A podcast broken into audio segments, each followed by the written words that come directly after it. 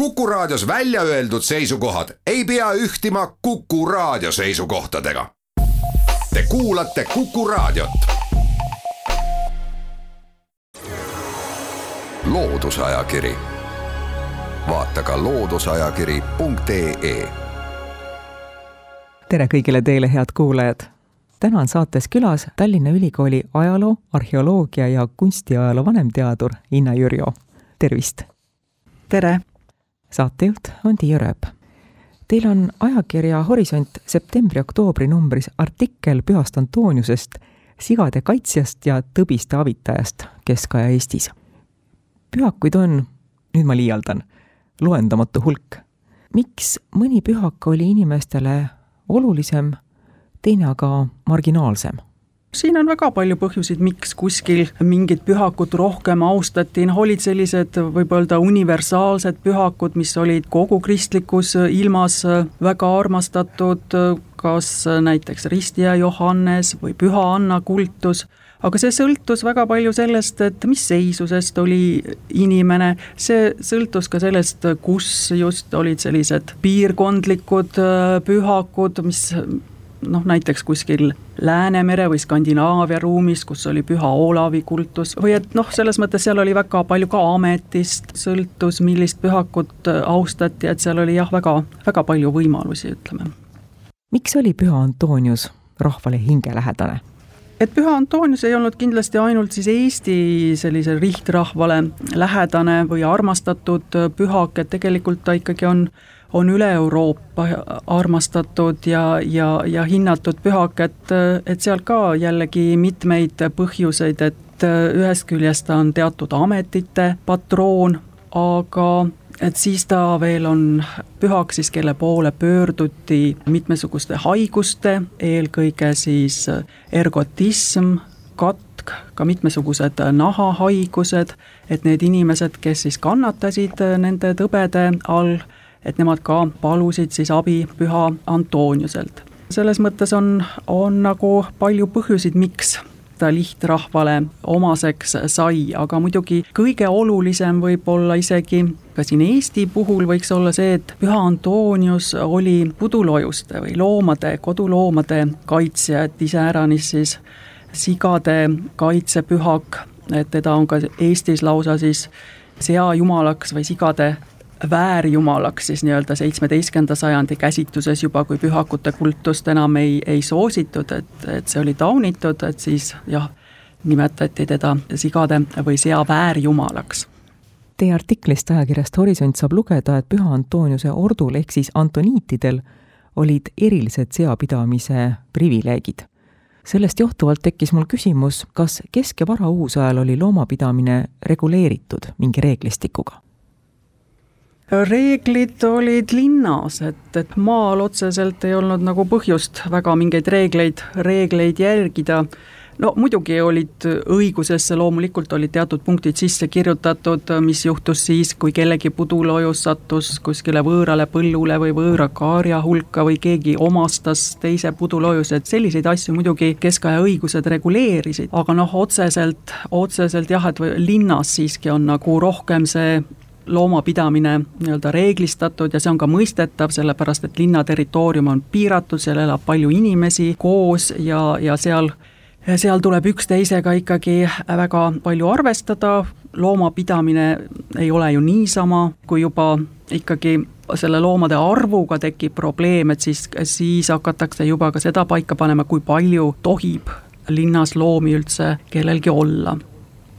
see on nagu väga oluline, et sageli kiputakse arvama, et kui on Antoniuse kabel, näiteks siin Tallinnaski, et see on seotud antoniitidega, et aga selleks ei ole küll mingit nagu põhjust, et ta on ikkagi puhtalt Antoniusele pühitsetud kabel, et aga et ta ei ole, ei ole ikkagi antoniitidega seotud kuidagi, et, et see ei ole antoniitide klooster ega midagi niisugust, et ta on lihtsalt kabel pühaku auks et aga, et see üks klooster äh, siis jääb jah, Läti alale ja tema tegutsemisaeg on, on väga, väga, väga põgus.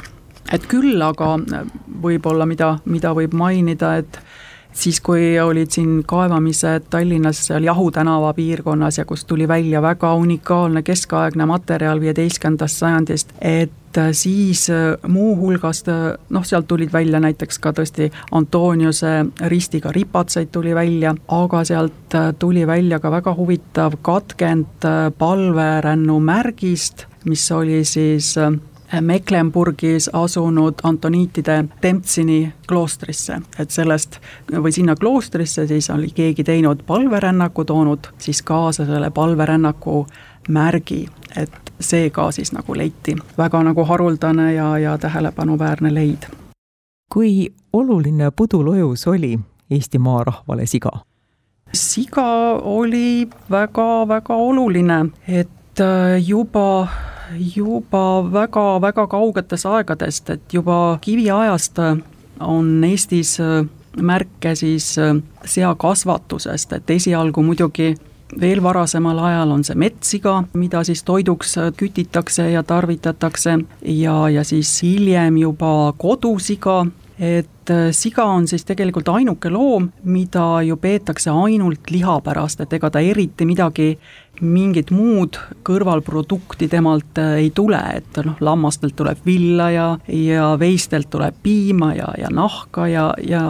aga et noh, seanahka muidugi ka kasutatakse, aga ikkagi ta on puhtalt äh, lihaloom, tema liha väga hinnatakse, eriti hinnatakse just sellist äh, rasvast sealiha, seapekki ja seapekki peetakse ka selliseks mitte ainult siis toiduks, vaid ta on ka arstim, mis aitab mitmesuguste sisemiste tõbede vastu, et et äh, siga, siga on väga oluline ja, ja siga on näiteks ka selle poolest oluline, et kui nüüd toidulauast rääkida, näiteks lambaid tapeti kohe sügisel, äh, sellepärast et lammas kaotab kaalu üldiselt, kui teda laudas pidada, aga siga mitte, et siga saab nuumata, et selles mõttes siis siga saab tappa ka talvel, hiljem, ta on siis väga oluline selline toidulisa just talvisel ajal, kui toitu nagunii nappis, et et selles mõttes jah, siga on väga tähtis lihtsalt toidulaual, aga peolaual on seal alati väga oluline koht, siis muidugi jõulud, talvisel pööripäeval just just äh, siis äh, seapraad, seatoidud on väga olulised, et seal on ka selline siis ohvrilooma tähendus. Ja eestlastel on ka pulmatoitudena äärmiselt, äärmiselt tähtis olnud äh, sealiha, seapraad, et seda oleks väga külluslikult ja näiteks seapeade pakkumise komme näib olevat just selliste pulmatraditsioonide vanimast kihistusest pärit, et seapäid siis serveeriti pulmalaual. meil on aeg teha saatesse väikene paus. loodusajakiri, vaata ka looduseajakiri.ee loodusajakiri läheb edasi, täna on saates külas Inna Jürjo Tallinna Ülikoolist, saatejuht on Tiia Rööp. tänane saade keerleb ümber Püha Antoniuse ja me jätkame sellel teemal. kas on teada, milline oli Püha Antoniuse austamise kombestik Eesti alal? et äh, kui nüüd rahvausust rääkida, siis tegelikult jah, et ütleme niimoodi, et et keskaja allikad äh, on selles osas äh, noh, praktiliselt midagi, mingit infot sealt ei saa, aga huvitaval kombel see info tuleb siis seitsmeteistkümnenda sajandi visitatsiooniprotokollidest, kui siis käidakse siis kogudusi visiteerimas ja, ja üks küsimus, mida siis kogudusele ja pastorile alati ka esitatakse, on see, et kas on säilinud ka mingisuguseid ebausukombeid, mida,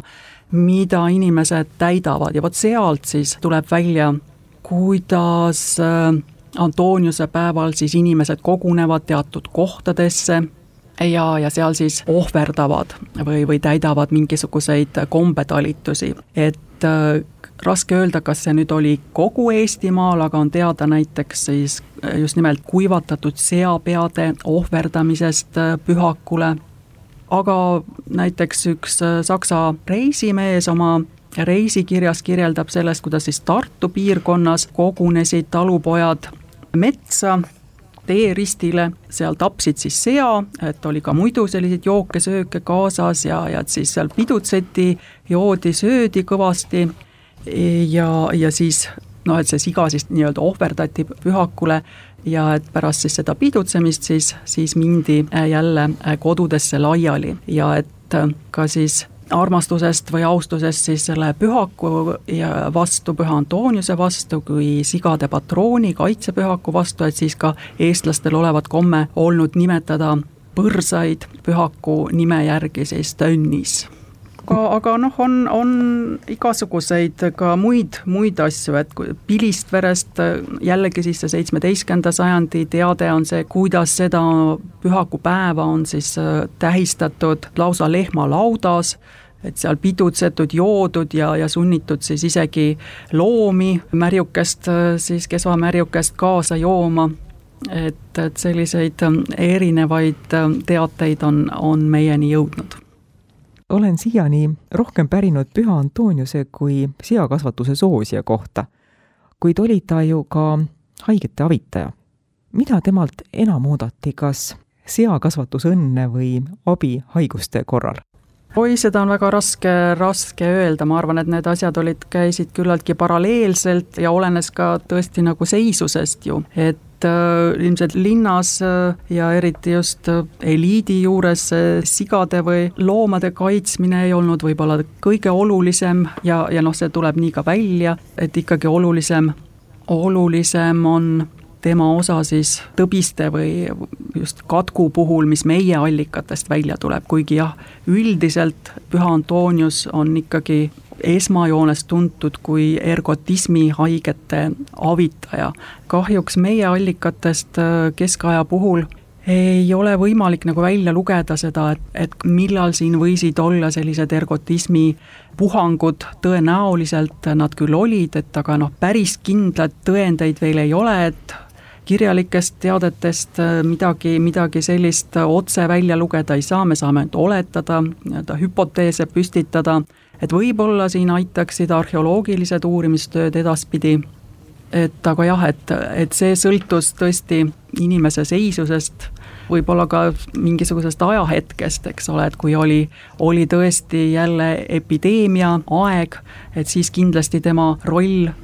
kaitsjana haiguste eest tõusis rohkem esiplaanile ja, ja see pudulojuste kaitsmine hetkeks, hetkeks nagu jäi teisele kohale, aga noh, need, need käisid nii paralleelselt, et neid ei, ei saa üksteisest äh, lahutada kindlasti kuidagi. kas nende ajalooallikate põhjal, mida me kasutada saame, on võimalik öelda, millal oli Antoniuse austamine Eesti alal nii-öelda haripunktis? No ütleme nii, et ega me seda alguspunkti päris täpselt ei tea, aga meil on teada juba, et äh, tuhat nelisada kakskümmend kaheksa on Antoniuse kultus äh, selline rahvapärane kultus, mis on pisut nagu kiriku kontrolli alt äh, välja läinud, see on, on juba probleemiks, et järelikult siis kuskil neljateistkümnendal sajandil kindlasti ta juba on levinud, et muidugi noh, juba kolmeteistkümnendal sajandil kindlasti linnades, kui olid asutatud linnad ja, ja siia tulid mujalt linnaelanikud, siis kindlasti võis see juba linnas ka tol ajal olla levinud. Aga et, et ka maaelanike juurde võiks arvata, et, et siiski jah, juba ka neljateistkümnendast sajandist võiks selle kultuse algust panna ja need, kes siis olid nii-öelda need esimesed võib-olla Antoniuste kabelite rajajad et need olid äh, sellised kõrged vaimulikud, näiteks Tartus piiskop äh, päris viieteistkümnenda sajandi alguses äh, rajas sinna kabeli. Ja, ja et see kestis siis läbi keskaja kindlasti seitsmeteistkümnendast sajandist või seitsmeteistkümnendal sajandil Antoniuse kultus ka veel jätkub, aga vot pärast seda siis juba see hakkab ununema ja kuskil üheksateistkümnendal sajandil, et see on nagu huvitav, et ta ikkagi jääb mingisugusel kujul Eesti rahva pärimusse alles, aga jääb siis selline kombestik, aga Antoniust kui pühakut, püha Antoniust ennast Eesti rahvauskumused enam noh, üheksateistkümnendal sajandil nad enam ei mäleta, et siis on temast saanud tõnn, lihtsalt tõnn, on tõnnivakad, väga pikalt äh, kestab tema austamine ja, ja ikkagi ka sel ajal, kui, kui juba luterlikul ajal ju, kui pühakute kultus äh, oli taunitud, et äh, selles mõttes jah, ikkagi päris, päris visalt pidas vastu selleks korraks on saade läbi. saatejuht tänab külalist, Tallinna Ülikooli ajaloo, arheoloogia ja kunstiajaloo keskuse vanemteadur Inna Jürjot ja samuti teid, kuulajad. aitäh teile! kes soovib Pühast Antoniusest enamat teada saada, kui saates rääkida jõudsime, soovitame ajakirja Horisont septembri-oktoobri numbrit. loodusajakiri, vaata ka looduseajakiri.ee